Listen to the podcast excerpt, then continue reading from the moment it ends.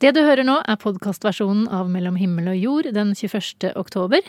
Og du hører Lise Sørensen og Eli Bergman presentere noen saker fra denne sendinga. Og vi kan starte med én million.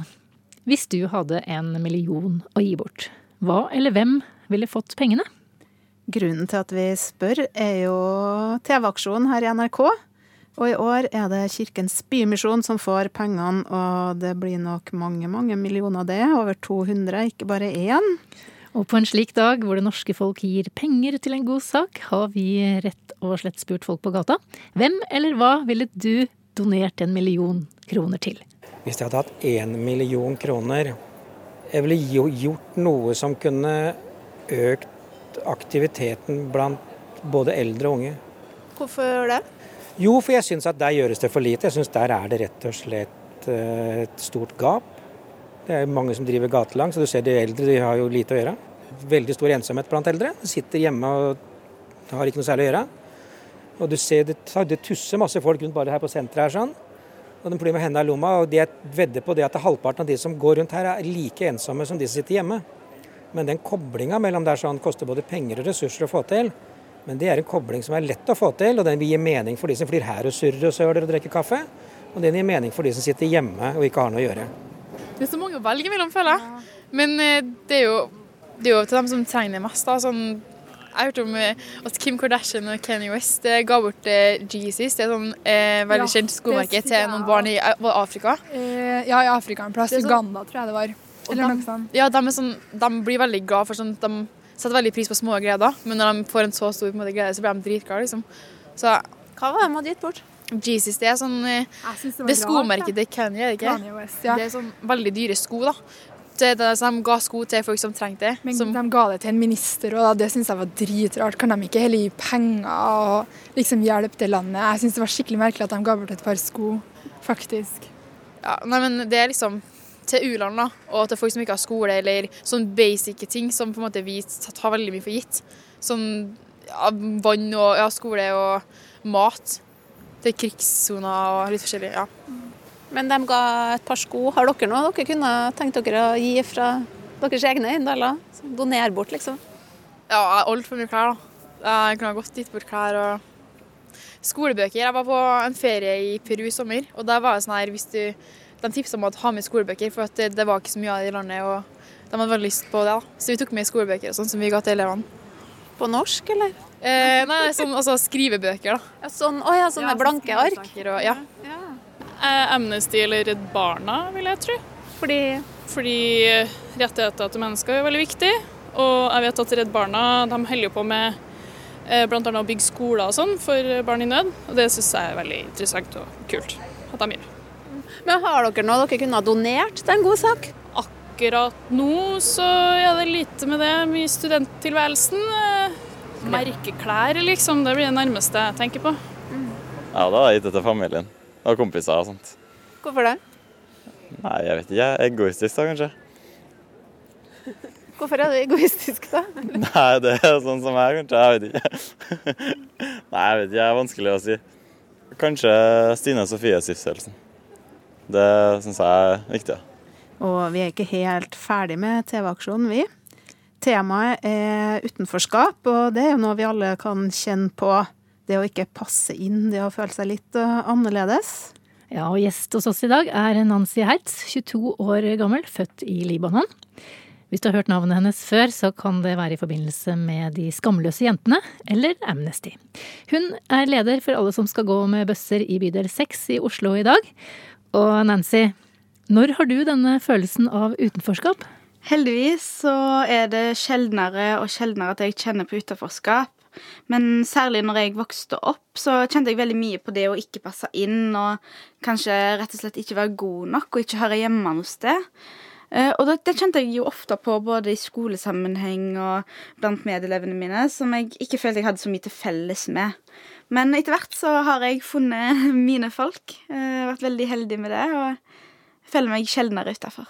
Ja, det at du følte deg litt uh, utenfor i oppveksten, hva var det som gjorde deg annerledes den gangen? Jeg vokste opp i Haugesund med to foreldre med minoritetsbakgrunn. Og det var ikke sånn kjempemange med minoritetsbakgrunn i Haugesund når jeg vokste opp. Eh, og bare det å se annerledes ut og være litt mørkere enn de andre, var jo eh, i seg sjøl grunn nok til å ikke passe inn. Eh, I tillegg så var jeg jo ganske veslevoksen. Jeg var ikke den kuleste ungen på barneskolen eller ungdomsskolen. Så jeg gikk jo rundt og tenkte at jeg hadde skjønt ting som de andre ikke hadde skjønt. Og tar liksom det på min kappe, da. Mm. Mm. Har du noen eksempler på hvordan det var, da? Ja, jeg eh, gikk jo eksempel rundt på ungdomsskolen og syntes at alle var idioter, så jeg hadde ikke så mange venner. Um, og det var jo sånn at jeg ofte hang med de voksne og syntes at de var mye kulere å være med enn de andre elevene. Um, på barneskolen så var det litt annerledes, for det var med en liten klasse. Eller en, eh, ja, en ganske liten klasse, så var vi bare seks jenter. Og vi gikk jo i sånne grupper, og hvis man ikke passet i en av disse gruppene, så var man jo utafor. Så det har jeg jo kjent en del på. Eh, I tillegg så er det jo en del eh, dumme spørsmål man får i løpet av oppveksten, særlig når man har en annen bakgrunn. Og jeg husker når andre medlever tulla med at ja, men utlendinger har brunt blod, eller at ja, men skal faren din gifte deg vekk, og sånne ting. Og det, det sies jo for tull, men det er jo ganske svart. Mm. Ja, hva har det gjort med deg, da? Det å ha følt deg sånn utenfor? Det har gjort at jeg nå kjenner litt på det å ha masse empati, kanskje, for de som er underdogs, eller de som ikke passer inn. Eh, Jeg har hatt veldig eh, liksom, Jeg har hatt veldig åpent hjerte for de som er annerledes, som de som ikke passer inn, de som på en eller annen måte havner utafor, og skjønner de på en måte. Eh, Og så håper jeg jo at eh, de fleste som vokser opp og kjenner på utaforskap, eh, at de ordner seg for de til slutt, sånn som det ordna seg for meg. Mm. Ja, hvordan ordnet det seg for deg?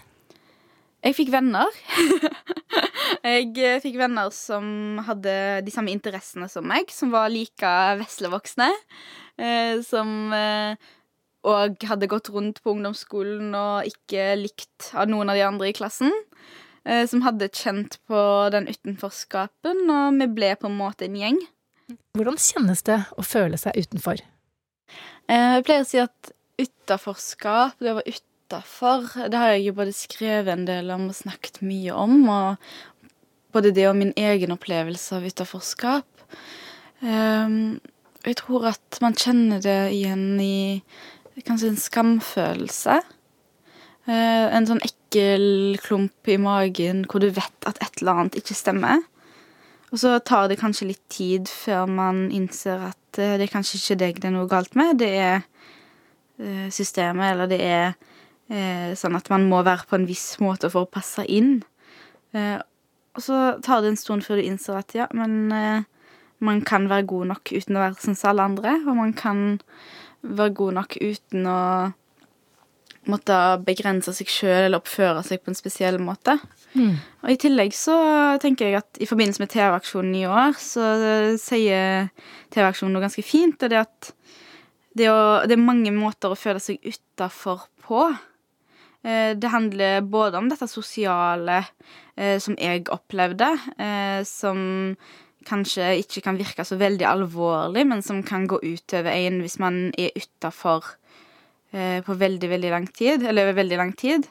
Men det handler jo òg om de som er utafor fordi de ikke får nok mat eller har en seng å sove i, eller som ikke har en jobb å gå til. Eh, Så det kunne jo vært mye, mye verre for meg. Eh, Så sånn sett så har jeg vært veldig heldig. Hva har det gjort med deg, det at du har kjent på å ikke passe helt inn, tror du? Det å ikke passe helt inn har gitt meg en rettferdighetssans, så jeg tror at jeg kanskje ikke ville ha kjent eh, på i like stor grad eh, hvis jeg ikke hadde sjøl hatt opplevelser med det å ikke passe inn, eller det å føle seg utafor. Så jeg er veldig glad for at jeg har den rettferdighetssansen som jeg har, som har gjort at jeg har engasjert meg ganske mye. Jeg begynte å engasjere meg i Amnesty annet i 2011, og var med på min første TV-aksjon i 2012. Eh, Denne TV-aksjonen er min sjette, hvis jeg ikke har telt helt feil. Eh, Så det har jo vært eh, noe som har vært ganske sårt gjennom oppveksten, eh, men som jeg nå er ganske glad for at jeg har fått kjent på, da. Eh, og så kunne det jo absolutt vært mye verre. Jeg har jo vært veldig heldig. Den utaforskapen jeg har kjent på, det er noe som mange andre kjenner på. Og utaforskap kan jo òg være ting som å ikke ha en seng å sove i, eller falle utafor arbeidslivet, eller ikke ha nok mat og ikke ha venner i det hele tatt. Hva gjør du når du ser andre stå utenfor på et eller annet vis? Du har jo erfaring med å Jeg føle deg utenfor selv. Jeg reiser jo en del eh, rundt omkring i hele landet og snakker om boka 'Skamløs'. Og når du står på en scene eller foran en klasse eh, og snakker, så er det veldig, veldig lett å se hvem som er litt utilpass. Og jeg har utrolig mye empati eh, for de enkeltindividene som du ser er litt underdogs, og som ikke har fått muligheten til å blomstre ennå. Og jeg pleier å gå bort til de elevene som kanskje er litt ekstra stille, eller som eh, du ser at sitter litt ved siden av resten av gjengen, og liksom slå av en prat med de og si at vet du hva, det ordner seg. Eh, og jeg vet jo sjøl hvor vanskelig det er å f.eks. gå på ungdomsskolen.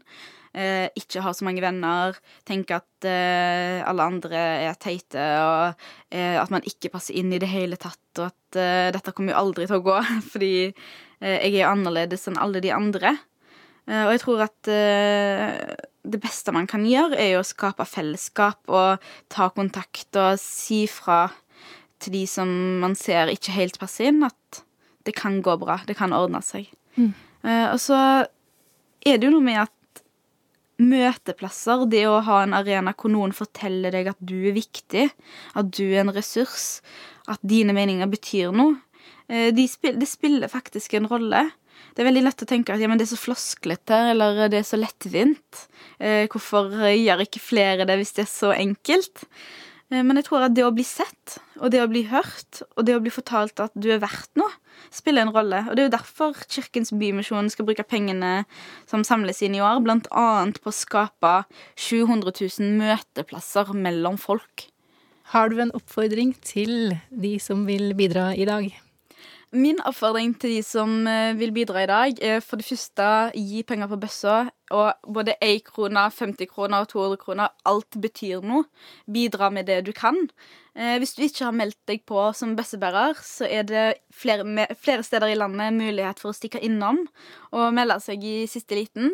Husk legg, og engasjer deg eh, for TV-aksjonen i dag. Ta godt imot bøssebærerne. Ja, lykke til med alle bøssebærerne i dag, Nancy Hertz, og takk for besøket. Fra TV-aksjonen og utenforskap skal vi til hudcellene. Ja, for i høst så har vi snakka om den fantastiske naturen, om eh, samarbeid, fellesskap og selvoppofrelse hos maneter, sjimpanser og slimsopp. Og i dag er det menneskekroppen som står for tur. Hei, jeg heter Dag Hessen, og et spørsmål som har fascinert eh, meg og veldig mange, det er Eh, hvordan samarbeider cellene i en kropp, og hvordan vet f.eks. en hudcelle at den skal være hudcelle? Ja, for helt i starten så er alle cellene helt like, er det sånn? Ja, da mhm. har vi like etter befruktning så har vi det vi kaller stamceller. De kan bli hva som helst. Uh, og det er de i noen celledelinger, men etter hvert så låses døra så å si til de andre mulighetene. Og så utvikler de cellene som skal bli leverceller, de utvikler seg nettopp til leverceller. Og de som skal bli hudceller, blir hudceller. Og beinceller blir beinceller, osv. Hvordan velger de karrierevei, da? Ja, for det er, det er virkelig fascinerende. Altså, de har, for de har de samme genene. Det er mhm. akkurat den samme genetiske bakgrunnen for alle disse cellene. Og det er liksom noe av det mest eh, interessante ved flercellethet Nemlig at cellene ikke bare har ulike arbeidsoppgaver, men at det er så spesialisert at de skrur av de genene de ikke trenger, og bare bruker det de faktisk trenger. Og det er dette fenomenet som kalles eh, epigenetikk, som er kommet veldig i vinden. Det er litt som at uh, skomakeren uh, vet at han skal være skomaker, selv om han kunne blitt kanskje kirurg eller hva som helst, og omvendt. Noe av den samme arbeidsdelingen, altså bare at her på kroppslig nivå. Og det er jo uhyre komplekst. Så hvordan dette i det hele tatt er orkestrert, eh, det er jo nesten et metaspørsmål i dette. Men at det er det, og at det fungerer, det, det ser vi jo. Og det går sjelden feil også. Altså en hudcelle begynner ikke en dag å oppføre seg som en levercelle. Den holder seg til sitt og bruker de genene en hudcelle skal gjøre.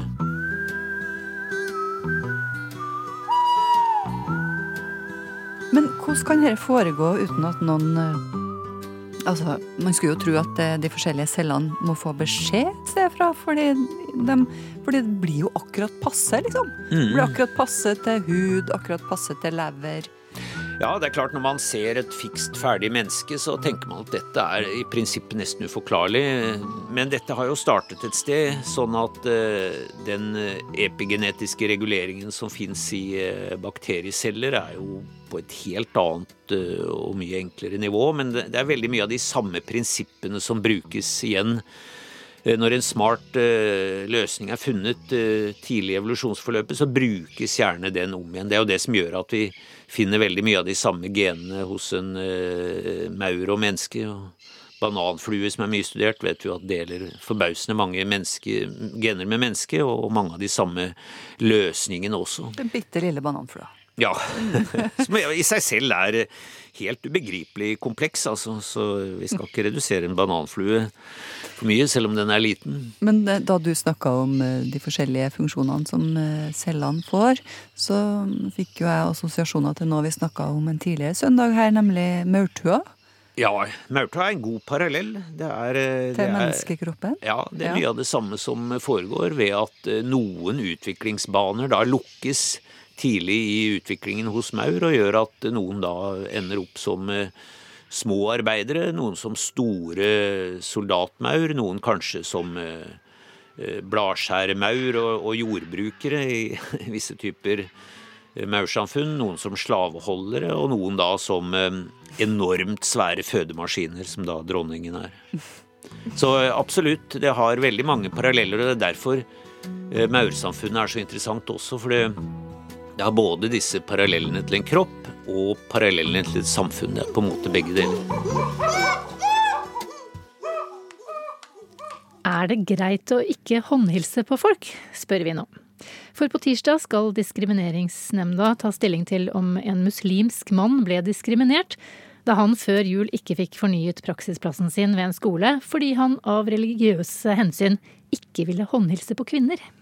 Ja, så jeg har vært på gata da, og rett og slett spurt hvordan vil du reagere dersom noen ikke vil håndhilse på deg? Det kan jo bli litt sånn uh, småkleint med bare hei, så strekker du frem handa, og så bare nei, det går ikke. Da blir det litt sånn ja, hei. Litt flaut, liksom? Litt flaut, ja. Men uh, det er jo bare å respektere andre sine grenser, da. Hvis de ikke vil, så vil de jo ikke. Kan du ikke tvinge dem til å gjøre det. Enn du? Nei, å håndhilse, det tykker jeg alle sammen skulle ha klart og gjort. Det, er like, det føler jeg er en skikk. altså. Å bare å, rekke fra ei hånd og hilse på noen, det syns jeg det er noe alle kan klare. Men, men det jeg pleier, hvis jeg er skikkelig syk og sånn, så sier jeg jo at nei, jeg vil ikke håndhilse på deg, for jeg vil ikke smitte deg, liksom. Det er jo greit, det òg. Det er nå en sak. Men enn hvis det er pga. religiøse hensyn, at folk sier jeg kan tilspeie fordi jeg tror på et eller annet som gjør at det er umulig? Det, det er jo deres som, som sagt, må bare respektere deres grenser. da. Kan ikke tvinge folk til å gjøre ting. Er det dype religiøse overbevisninger, så kan vi neppe tvinge dem. Men så har jeg altså en bestemt mening om at folk, når du kommer et annet sted, så bør du tilpasse deg mest mulig til de stedene du er på. Samfunnene kan ikke gå greit ellers, og det er de for en egen del av. For du ser da folk som kommer hit, kanskje har bodd her i 15 år, ikke lært seg et godt språk, ikke lært seg god kultur. Så er jo de folkene på yttersida av samfunnet, de får jo ikke jobber, de blir ikke integrert, de sitter alene i gettoer. Så jeg tenker nesten det er mer synd på dem enn på oss. Så jeg tenker heller at de gjør seg sjøl en utrolig bjørnetjeneste ikke dykke inn i samfunnet og kanskje endre litt på egne grenser. Hvordan ville dere reagert hvis noen eh, dere strakk frem hånda til ikke tok en, ikke ville hilse på dere? Nei, det er litt, eh, det er litt eh, frekt, da. Det er litt sånn mangel på respekt, føler jeg. Det skaper en klein situasjon, i hvert fall. Ja, det skaper Ja. en klein situasjon. Jeg vet ikke. Kanskje hvis han kommer med en skikkelig bra grunn til at armene hans er helt dysfunksjonelle, men ja, man skal ta imot han hilsen. Det er disrespect. Men det er jo en del av religiøse grunner som ikke vil håndhilse. Hva tenker dere om det? da? Hvis det handler om religioner mer, så forstår man det jo, men det er jo ikke så mange som kanskje vet om eh, eh, religionene til folk, skal jeg si. Ja, man må respektere hva folk, sitt, hva folk tror på og sånn. Men da bør man kanskje si ifra på forhånd. Jeg vet ikke. Du vil respektere det hvis det er noen som forklarer på forhånd? Ja, ja, absolutt. Er det her en hijab, eller er det bare tilfeldig at du har en sånn slør? Ja. ja. Det er ikke tilfeldig, nei. Har du opplevd noen gang at noen har vært usikker på om du vil ta hånda deres pga. hijaben? Eller? Nei, ikke egentlig. Hvordan hadde du reagert hvis noen ikke ville ta hånda di, hvis du Nei, stakk den Det fram? har jeg reagert eh, spesielt på. Litt forbanna, tenker jeg. Forbanna? Hvorfor det? Ja. Nei, for at de, de kan ta hånda mi, dem òg. Når jeg rekker frem hånda.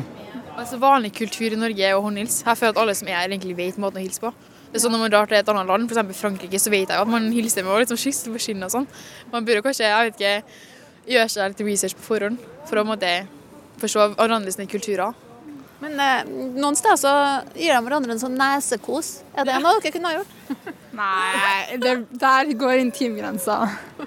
Det, altså, Jeg kunne godt gjort det, liksom. Det er jo koselig, men, eh, men så, jeg føler gjenspeiler liksom, Norge er veldig bra med et håndtrykk, for at Norge er liksom kanskje ikke så I andre land er man kanskje litt mer løsere i kantene, rundere i kantene og kan gjøre litt mer sånne ting, mens i Norge så holder man litt avstand med et håndtrykk. Så jeg syns det, det er koselig rett og slett, liksom, å komme til et land der man kan ha litt mer litt sånn kontakt. Jeg vet ikke, uten at det blir rart. De fleste vi spurte syns hilsing med nesa blir for intimt. Men eh, dette gjør de altså i noen arabiske land. Ja, for det handler om å hilse her hos oss nå. Er det greit å si opp en person fordi han ikke håndhilser på kvinner? Ja, Det er en sak Diskrimineringsnemnda skal ta stilling til denne uka. Og Margrethe har vært en tur på universitetet på NTNU. Der er Hans Martin Thomassen. Han er sosialantropolog og har reist mye og hilst på veldig mange forskjellige måter. Vi spurte om han har vært i en hilsesituasjon som har vekket ubehag.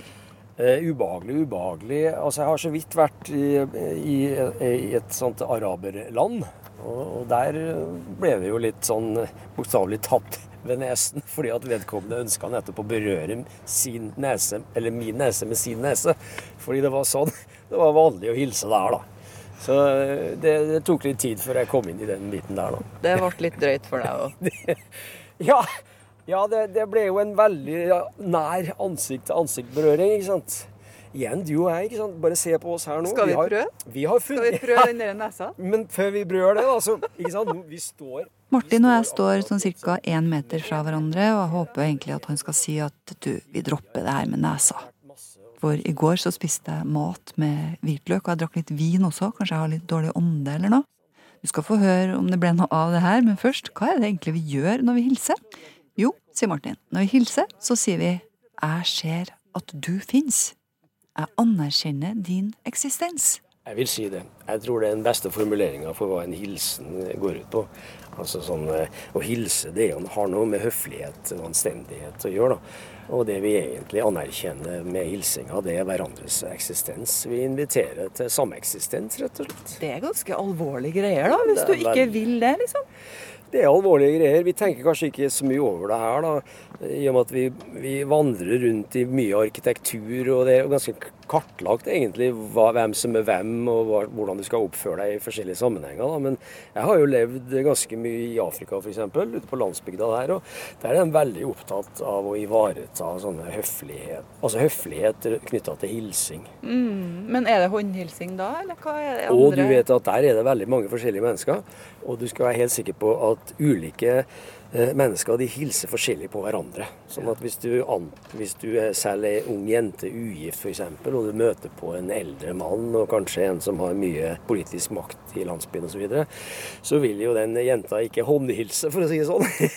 ikke sant? Hva gjør hun da? Bare bøye seg litt? Mm, vil mest sannsynlig trekke seg unna og gå litt eh, rundt, ikke komme for nær. Oi, oi, Ja, oi. da, men det er på, på en måte, hvis du tenker litt bredt om hilsning, så er det hennes måte å, å anerkjenne denne litt høyere på strå-personens eh, eh, autoritet. Så da anerkjenner du ikke bare eksistensen, men også posisjonen? Ja, det Ja. er godt sagt. Akkurat. Vi hilser jo på så, på så forskjellig vis også. Så du kunne jo se for deg ikke sant, rundt Middelhavet ikke sant, så er det ofte en liten sånn fornærmende hvis, eh, hvis kollegaer egentlig bare håndhilser. Der skal det være litt kyssing på kinn osv. Fordi det er noe med den katolske lære. Og det er mye mer drama og film og teater. Hører du? så, så det er jo en veldig sånn edruelig måte vi forventer at vi skal hilse på. Du holder jo avstand, egentlig, med et sånt eh, et, et håndtrykk. Det er en måte å skape avstand på. Samtidig som det, det, du forteller hverandre da, det er jo at det skal være egalitet, likeverd, altså likhet som likeverd, mellom de som hilser. Det er viktig for nordmenn, det er. Alt dette her ligger bakt inn i dette håndtrykket. Ja. Joviale håndtrykket. Mm. Uansett hvilken posisjon den du møter har, så håndhilser vi fordi vi er like, liksom. Ja, da, da, er det nettopp noe av det du kommuniserer. Ja. ja. Og kjenner jeg at jeg ble veldig glad i måten vi hilser på, for vi hilser likt på alle her hos oss. Så skal vi ikke fortsette med det? Hils på samme måte uansett hvem vi forholder oss til. Nja, sier Martin, antropolog, han er ikke så sikker på det, egentlig, i denne tida hvor vi beveger oss over ulike tidssoner og hilsesona for så vidt, så kan vi vel være litt fleksible, sier han. Ja, jeg vil jo si at fleksibilitet er jo det som kanskje er en av de tingene som kjennetegner mennesket mest av alt. da. Evnen til å justere oss og tilpasse oss og være litt smidig i forhold til omgivelsene. Og se an situasjonen. da.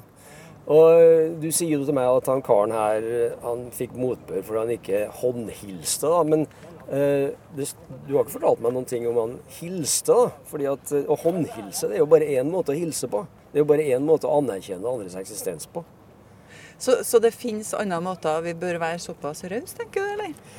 Ja, jeg syns jo det. Så, så, så lenge den, den, personen her fikk andre til å, å føle at, at, han faktisk tok dem inn, og, og så dem, og, og, på en måte ja, anerkjente deres eksistens, men uten å håndhilse. Da syns jeg jo det bør være såpass raus at det må være greit. Altså.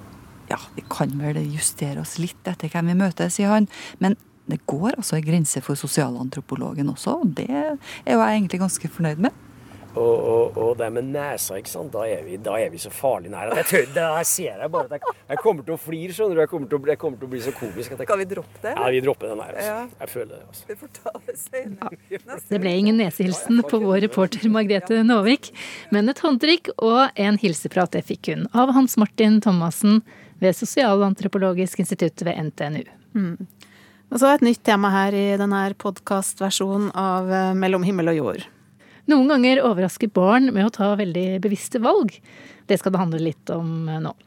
For da Hanna Volden var ni år, bestemte hun seg for å slutte å spise kjøtt. Ja, vi var i en eh, konsert på skolen i gymsalen. Eh, og der snakka de jo veldig stygt om rotter, og at de var heslige dyr. og at de ikke hadde noe å gjøre i gatene og sånne ting. Og jeg skjønner jo litt det, men, men da så ble jeg veldig påvirka av det. Eh, og da syns jeg det var veldig sånn ufyselig måte å snakke om dyr på. Eh, så da jeg gikk tilbake fra den konserten, så bestemte jeg meg egentlig der og da for at nå slutter jeg å spise kjøtt. Eh, og det var jo til lunsj, og heldigvis så hadde jeg ikke med kjøtt på matpakken.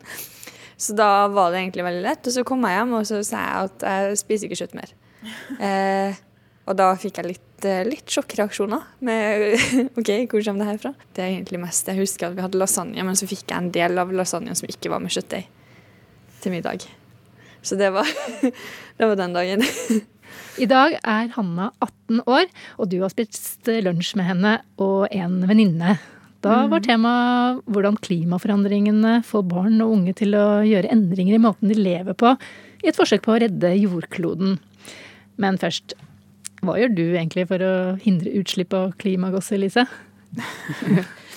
ja, jeg sykler da, men jeg må nok innrømme at det er mest av praktiske årsaker. Fordi det er lettvint og fint å gjøre det. Nei, jeg syns det er eh, vanskelig, så jeg blir kanskje litt likegyldig. Føler at jeg ikke ja, At det jeg gjør ikke har noe å si. For ja, det har ikke noe forskjell fra eller til. Nei, sånn tror jeg kanskje ganske mange har det, da, egentlig. Jeg tror ikke vi er enestående her. Vi blir litt apatiske, og noen ganger kanskje også i fornektelse. Men samtidig så virker det som om barn og unge i større grad tar litt grep da, om det her. Ja, for i USA så går barn og unge rettens vei. De mener regjeringen hindrer deres grunnlovfestede rett til et stabilt og trygt klima. Og her hjemme har de shoppestopp og blir vegetarianere for å redde jorda. Ja, jeg tar en eh, falafel-wrap. Jeg tok en annen wrap, I guess, og søtpotetfries. To veggiser på 18 og 19 år plukker mat fra buffeen på en av Trondheims vegetarrestauranter. Jeg tar også litt salat. Hanna Volden var bare ni år da hun bestemte seg for å bli vegetarianer, etter å ha vært på en konsert med et band som sang stygt om dyr. Så jeg bestemte meg der og da for å slutte å spise kjøtt, for at jeg ikke hadde lyst til å støtte og snakke stygt om dyr. Mens Hedvig Tieri Aresvik gikk lei av kjøttsmaken for tre år siden, og fant etter hvert også ut at hun ikke ville støtte kjøttproduksjon som står for en femtedel av de globale klimagassutslippene. Ja, det blir litt sånn det er min fremtid, og, og jeg er nødt til å gjøre noe for å bedre min egen fremtid, da. Det er jo veldig mye miljøpolitikk i det, da. Så ja. ja hva vet du om det? Jeg, jeg vet egentlig ikke så veldig mye, annet enn at det er veldig store CO2-utslipp eh, når man slakter ku, kuer, kyr. når man slakter kyr, eh, i forhold til når man dyrker grønnsaker. da. Så det er mest det, egentlig. Og frakten frem og tilbake. Hedvig skjenker vann i glassene, og hun har en favoritt blant rettene i vegetarbuffeen. Så langt har jeg spist uh, wrappen, salaten og uh, søtpotetfriesen. Og jeg er veldig trofast, så jeg kommer til å si søtpotetfriesen. Det å droppe kjøtt er et valg barn og unge faktisk kan gjøre, selv om de ikke har stemmerett eller annen formell makt, forklarer Hedvig. Så det å liksom velge vegetarisk kosthold er en måte å, å vise at Eller ikke vise engang, men å prøve å gjøre en forskjell og prøve å kutte ned CO2-utslipp. Og det samme gjelder jo ved å satse mer på kollektivtransport, eller sykle. Eller ikke kjøpe nye klær hele tida, og, og tenke litt mer minimalistisk. Hedvig har også shoppestopp, og hun kjøper kun brukte klær av klimahensyn. Og hun tror det hun gjør har en betydning. La oss si at ti stykker da står eh, ved et vann, og ute i vannet så er det noen som holder på å drukne. Hvis ingen gjør noen ting, og alle bare har en sånn felles ansvarsfraskrivelse og sier at ja, men vet du hva, personen hoppa uti vannet selv, liksom. Uh, ja, så vil personen ikke ha det så bra. Men hvis bare én hopper uti og tar ansvar, så gjør jo det en forskjell. Men hvis alle tar ansvar, så vil det gjøre en mye større forskjell. Og hvis jeg gjør en ting som kanskje jeg inspirerer en annen, som fortsetter videre, og så plutselig så er det ikke én person som har shoppesperre, men plutselig så er det 50 000 som har en shoppesperre. Og det vil jo gjøre et mye større kutt da, på CO2-utslipp. En del voksne kjenner på meg sjøl og blir jo litt mer sånn likegyldig og apatisk når det kommer til klimaspørsmålet. Hvorfor tror du at barn og ungdom er flinkere til faktisk å gjøre noe? Jeg tror det er fordi voksne har vaner de går i. De er veldig vant til å gjøre det på én måte. I hvert fall litt eldre folk er jo veldig vant til å ha ting på sin måte, og det skal veldig mye til før man godtar forandring. Mens unge folk er jo veldig mye mer åpne til forandring og åpne til å gjøre andre Nå fikk jeg sånn innvendig. og åpne til å gjøre veldig mye mer eh, små endringer. Fordi vi har ikke fastsatt den verden vi har tenkt å leve i, sånn som voksne har. Så og så tenker jeg at sosiale medier har veldig mye å si. Vi ser jo veldig mye på sosiale medier. Eh, vegetarisk kosthold eller løsninger til hvordan man kan gjenbruke klær f.eks. Eller andre sånne miljøting som voksne kanskje ikke ser like mye av. Fordi de ikke er like mye på nett som ungdommene. Pappskålene er tomme og lunsjen ferdig. Hva gjør man med dem her? Skal man rydde seg? Hedvig og Hanna er rett og slett sint på generasjonen som sitter med makta i verden, for at de ikke prioriterer miljøet mer. Det kan være veldig frustrerende til tider, fordi de er veldig sånn De har sin måte å gjøre det på. De har levd sånn, og de skal leve sånn. Og ikke nødvendigvis ser alvoret i alle problemene vi som er ungdom ser, og alle problemene vi ser at vi kommer til å sitte igjen med når, de, når den generasjonen går ut. Så da kan det være veldig, sånn, veldig frustrerende å ikke ha muligheten til å gjøre så veldig mye med det. da. Ja, der gikk Hanna og Hedvig ut av vegetarkafeen. Og det er nok sant at det skal mye til å endre innarbeidede vaner. Mm, men jeg må faktisk få lov å si at etter jeg laga denne saken, så har jeg blitt uh, litt mer bevisst, da. Så framover så blir det mer veggismat hjemme hos oss. Så jeg skal jammen meg skjerpe meg sånn litt generelt, altså. Ja, og da kom jeg på faktisk at eh, vi prøver å ha i hvert fall ett måltid i uka som er eh, vegetarrett. Ja, det er, det er bra, det òg. Det er en start. Ja, veldig bra. Så over til noe helt annet. Ja. Eller kanskje ikke. Skal vi ha overgangen? ja. Ja, det er, eh, det er ikke så ofte vi snakker om hjertesorg i mediene. Det daglige nyhetsbildet handler eh, mest om vær, ulykker og Donald Trump, kanskje. Mm. Men eh, når vi våkner om morgenen, er kanskje flere av oss mer opptatt av oss selv og vårt eget liv. Kanskje kjenner du på en hjertesorg? Reporter Ove Gundersen tok med seg mikrofonen på gata. Bærer du på en sånn hjertesorg? Ja, jeg gjør det. Jeg, bærer jo på en sorg som jeg føler at, eh, at den har på en måte blitt veldig stor, da. Mm. For jeg er jo eh, jeg er pårørende Ja. til eh, en rusavhengig sønn, som er rusfri nå, da. Men uansett så er det en sorg som du bærer på så lenge at det er vanskelig å bearbeide den sorgen. Ja, skjønner. Mm. Men Hvordan kjennes det ut da, sånn i hverdagen når du tenker på det?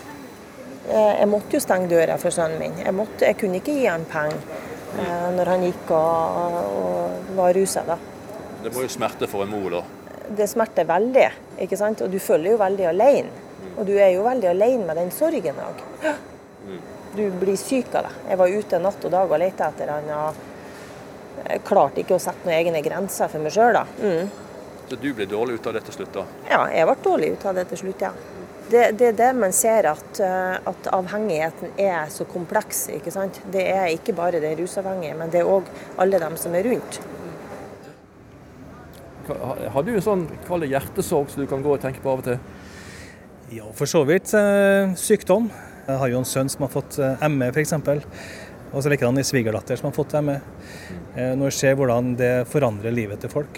Eh, det tar fra dem livet. De er i startgropa i livet, skal ut i arbeidslivet, begynne å jobbe litt. Og så raser livet litt sammen.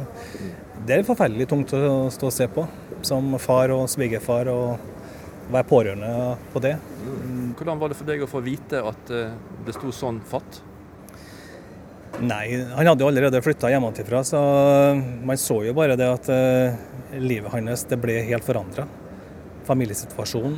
Han hadde jo nettopp blitt pappa. pappa. Og, og ser at han ikke da takler det så godt heller, da, pga. at han er så syk sjøl. Det føler jeg Det var litt tøft å stå og se på det. Er dette sånne tanker du er innom hver dag omtrent? At det kalles Kall det en hjertesorg? I enkelte perioder så går det bra, for at jeg ser at han er oppegående innimellom. Fungerer jo for så vidt greit, men det er at når det blir litt eh, større påkjenninger, så blir det tungt. Da Da har vi gjerne skulle vært der. Men jeg kan ikke gå og tenke på det, må prøve å stenge ut litt. Jeg må nødt til å leve litt sjøl oppi det hele òg. Men sånn er det nå. Ja, det er jeg. Kan du snakke om det, eller? Ja Hva mener du med hjertesorg? Da er det at man har mista noen, tenker du? Det kan være også det, ja. Ja. At det er noe som, noe som du tenker på av og til, at det var trist at det skjedde, eller eh, Ja. Det kan være hva som helst, egentlig. Ja, det er mammaen min. Ja. Hva som skjedde med mammaen din, da? Nei, det var litt sterkt, det. Ja, det var det. Ja. Ja, det er lett å forstå at det er vanskelig å snakke om slike personlige ting sånn plutselig midt på gaten. Men eh, der kommer det mot meg en person til, en, eh, en kvinne. Kanskje det å ha mista litt sånn barndommen sine følelser, kanskje. Det her med å være veldig glad for ting, eller være veldig lei seg for ting.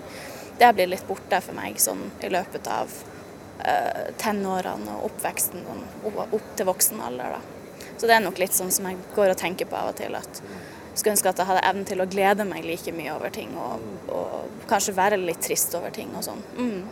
Hvorfor har det blitt sånn da, tror du? Si det. Jeg har kanskje gått rundt og, og tenkte at hvis man går rundt med veldig sterke følelser og sånn, så, så blir det et problem for, for andre. Um, og det har nok gjort at jeg har, eh, jeg har regulert meg sjøl litt mye, da. Mm. Det er ganske trist å føle at man ikke har Man ikke får leve seg sjøl ut sånn 100 da. Mm. Eh, Ja, eh, jeg har en farfar som døde i, for en stund siden, og vi hadde ikke så veldig god kontakt. Og så fikk vi litt grann kontakt igjen mot slutten, og det var veldig fint. Men det er veldig fortsatt trist at det må stå veldig mange år med en person som jeg hadde veldig godt forhold til når jeg var yngre. da. Og det tenker jeg mye på, og det er, en, det er, det er trist. Hva du tenker mest på da, akkurat i den sammenhengen? da? Nei, alle de gode samtalene vi mistet om bøker og om eh, sånne, eh, sånne, sånne serier, som krimserier på TV. For det var liksom våre ting da. Satt og så på spennende krim og, og leste gode bøker. Og satt ofte hos han og drakk eh, brus og spiste vaffel. Og så snakka vi om bøker og serier. Så det mista mye god gode stunder pga. det. da. Det var Ove Gundersen som hadde vært på gata og snakket med folk om deres små og store hjertesorger. Ja, det er vel sånn at de aller fleste av oss bærer på en eller annen sorg. Kanskje for en periode i livet, og noen ganger kan en sorg vare i flere år og enda lenger. Og det du har hørt nå, det var en podkastversjon av Mellom himmel og jord. Eli Bergman og Lise Sørensen takker for seg. Høres neste uke.